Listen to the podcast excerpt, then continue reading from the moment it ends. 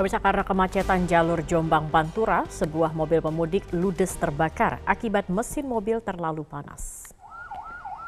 Mobil berpenumpang empat orang ini terbakar setelah melakukan perjalanan dari kawasan Lamongan menuju ke Kabupaten Kediri.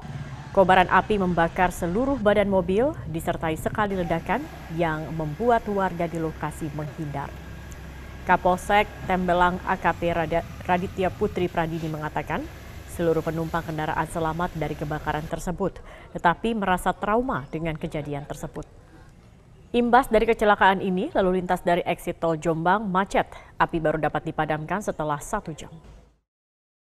Pemirsa menyusul viralnya aksi pungutan liar di lokasi objek wisata pantai di Kota Padang, belasan pemuda yang diduga pelaku pungli ditangkap tim Satreskrim Polresta Padang. Para pelaku dibawa ke Mapolresta Padang bersama barang bukti untuk pemeriksaan lebih lanjut.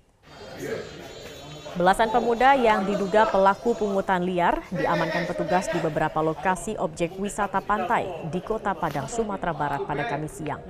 Pelaku diamankan polisi usai banyaknya video viral yang beredar di media sosial mengenai aksi pungutan liar di lokasi objek wisata seperti Pantai Padang dan Pantai Air Manis saat liburan lebaran yang sudah meresahkan pengunjung. Dari tangan pelaku petugas mengamankan barang bukti karcis masuk objek wisata namun pelaku mematok harga masuk melebihi harga karcis. Untuk satu karcis masuk objek wisata bagi kendaraan roda 2 sebesar Rp2.000 dan roda 4 Rp5.000. Namun pelaku meminta uang kepada pengunjung melebihi harga karcis yang telah ditetapkan kami itu nak di maksudnya liburan Idul Fitri ini jadi kita merespon itu kita lakukan uh, upaya penindakan penegakan hukum dan hari ini uh, kita mengamankan 13 ulangi 15 orang uh, pelaku pungli uh, 14 di antaranya kita amankan di Polresta Padang kemudian satu kita amankan di Mako Polsek Kota Tengah. Penangkapannya di mana anda lokasi ini?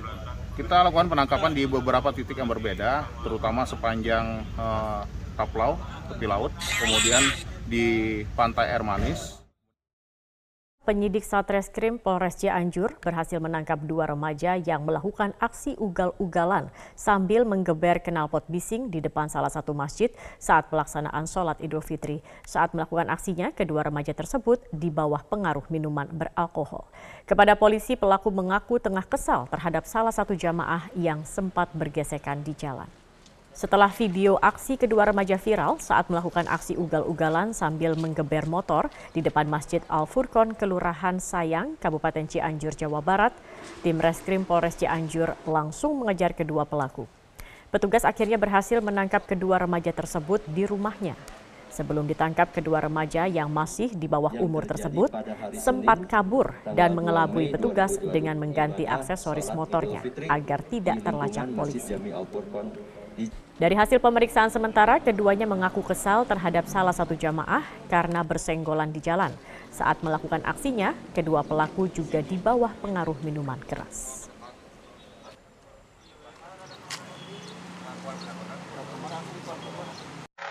Eh, sudah kita amankan dari jajaran Satreskrim eh, terhadap para pelaku ada dua orang, yang satu pengendara berusia 17 tahun, kemudian yang dibonceng berusia 15 tahun. Keduanya masih di bawah umur. Uh, saat ini sudah kita uh, bawa ke Polres dan juga sudah dihadirkan orang tua dari kedua anak tersebut dan mengakui bahwa uh, kejadian tersebut betul adanya dan mengklarifikasi juga bahwa tidak ada maksud untuk uh, mengganggu sholat id atau mengganggu kegiatan ibadah. Tetap Urbanisasi musiman yang terjadi pasca lebaran menjadi fenomena yang tak terhindarkan terjadi di kota-kota besar. Kota dengan segala kelebihannya menjadi magnet bagi masyarakat desa untuk mengadu nasib di kota. Jika tak terbendung, urbanisasi bisa menjadi beban baru bagi kota. Namun jika dikelola dengan baik, maka urbanisasi dapat menguatkan perekonomian kota. Urbanisasi usai lebaran atau urbanisasi musiman merupakan fenomena yang lazim terjadi setiap tahunnya di kota-kota di Indonesia.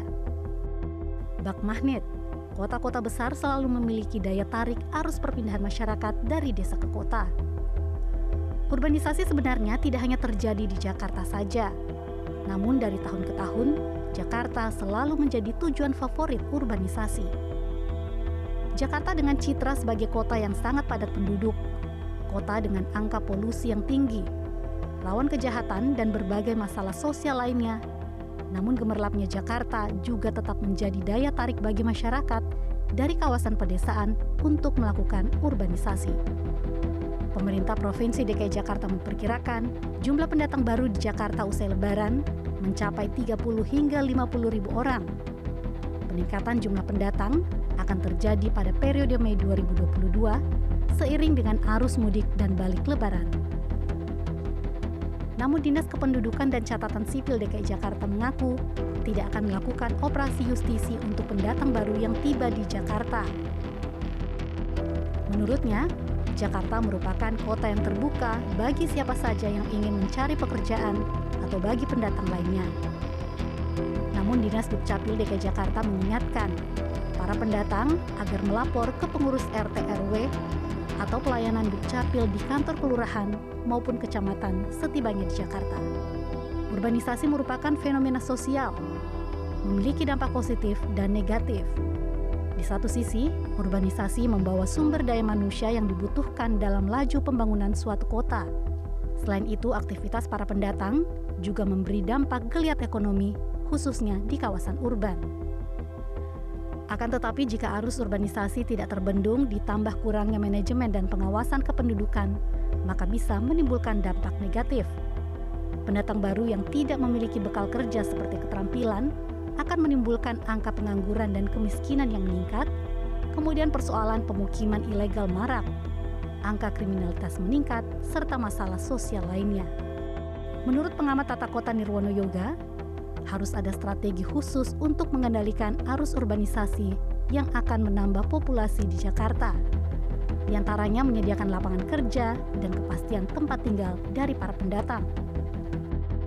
Ya, secara umum memang harus ada strategi khusus untuk mengatasi atau mengendalikan arus urbanisasi ya. Apalagi Jakarta diperkirakan akan datang sekitar 50 ribuan para pemudik baru ya. Artinya pendatang baru yang akan menambah uh, jumlah penduduk DKI Jakarta. Nah, oleh karena itu ada tiga PR besar yang harus dilakukan. Ya. Yang pertama tentu penyediaan lapangan kerja. Ya, tanpa kesediaan lapangan kerja bisa dipastikan dia akan menjadi beban bagi kota Jakarta seperti misalnya akan muncul atau bertambahnya pemukiman kumuh. Kemudian akan muncul penyandang masalah kesejahteraan sosial karena ketiadaan lapangan kerja yang memadai. Nah, beruntungnya Jakarta dibandingkan kota-kota yang lain menyediakan begitu banyak lapangan kerja. Ini juga menjadi salah satu persoalan kenapa orang lebih banyak datang ke Jakarta. Ya, artinya juga ada PR bagi pemerintah pemerintah daerah untuk menyediakan lapangan kerja yang memadai sehingga dapat mengerem dalam tanda petik arus urbanisasi ke Jakarta. Itu PR pertama. Kemudian yang kedua, kepastian tempat tinggal. Ya, kepastian tempat tinggal ini artinya gini, para pendatang baru yang datang ke Jakarta harus bisa memastikan tempat tinggal di mana sebelum mendapatkan pekerjaan. Ya, kalau tidak, ini juga akan memunculkan semakin menjamurnya pemukiman kumuh di DKI Jakarta. Ya, artinya menimbulkan masalah lingkungan lagi, masalah sosial berikutnya kalau tidak diantisipasi dengan baik. Selain itu, peran dari RT RW dan kelurahan juga diperlukan untuk mendata jumlah pendatang baru sebagai masukan data bagi kebijakan yang akan diambil Pemprov ke depan. Agar para pendatang baru tidak menjadi beban bagi kota yang dituju, maka mereka harus memiliki keterampilan dan keahlian. Sehingga ada harapan untuk mendapat penghidupan yang lebih baik. Pemirsa objek wisata Kampung Sabin di Cirebon, Jawa Barat dipenuhi pengunjung yang tengah menghabiskan libur Hari Raya Idul Fitri. Pusat wisata yang mengemas lahan persawahan menjadi tempat bersantai ini sangat diminati warga hingga padat pengunjung. Seperti inilah keramaian di Kampung Sabin, salah satu objek wisata yang banyak dikunjungi warga di Desa Sindang Jawa, Kecamatan Duku Puntang, Kabupaten Cirebon, Jawa Barat. Pada momen libur Hari Raya Idul Fitri saat ini, Kampung Sabi menjadi primadona untuk dikunjungi. Mereka berdatangan dari wilayah Cirebon dan daerah sekitarnya seperti Majalengka, Kuningan, juga Indramayu. Warga mengaku senang berkunjung ke Kampung Sabin karena suasananya yang unik dan berbeda dengan tempat wisata lainnya. Teh lagi liburan di sini? Iya, liburan. Asli mana Teh? Majalengka. Oh, Majalengka. Sengaja ke sini atau gimana Teh? Sengaja. Nah, lagi libur lebaran atau gimana sih Teh? Iya, libur lebaran. Hmm, tempatnya gimana Teh ini Teh setelah liburan? Bagus sih, manfaatkan sawah-sawah yang ada jadi tempat makan ini. Hmm, baru pertama ke sini apa gimana? Baru pertama. Baru pertama. Oh, mumpung lagi libur lebaran ya di sini. Hmm. Sejak hari pertama Idul Fitri, jumlah pengunjung Kampung Sabin melonjak hingga 50% dibanding hari libur akhir pekan biasa. Dengan konsep resto wisata, selain menyuguhkan tempat wisata bernuansa persawahan di Bali, Kampung Sabin juga menyediakan berbagai jenis menu makanan dan minuman spesial yang bisa memanjakan lidah para pengunjung.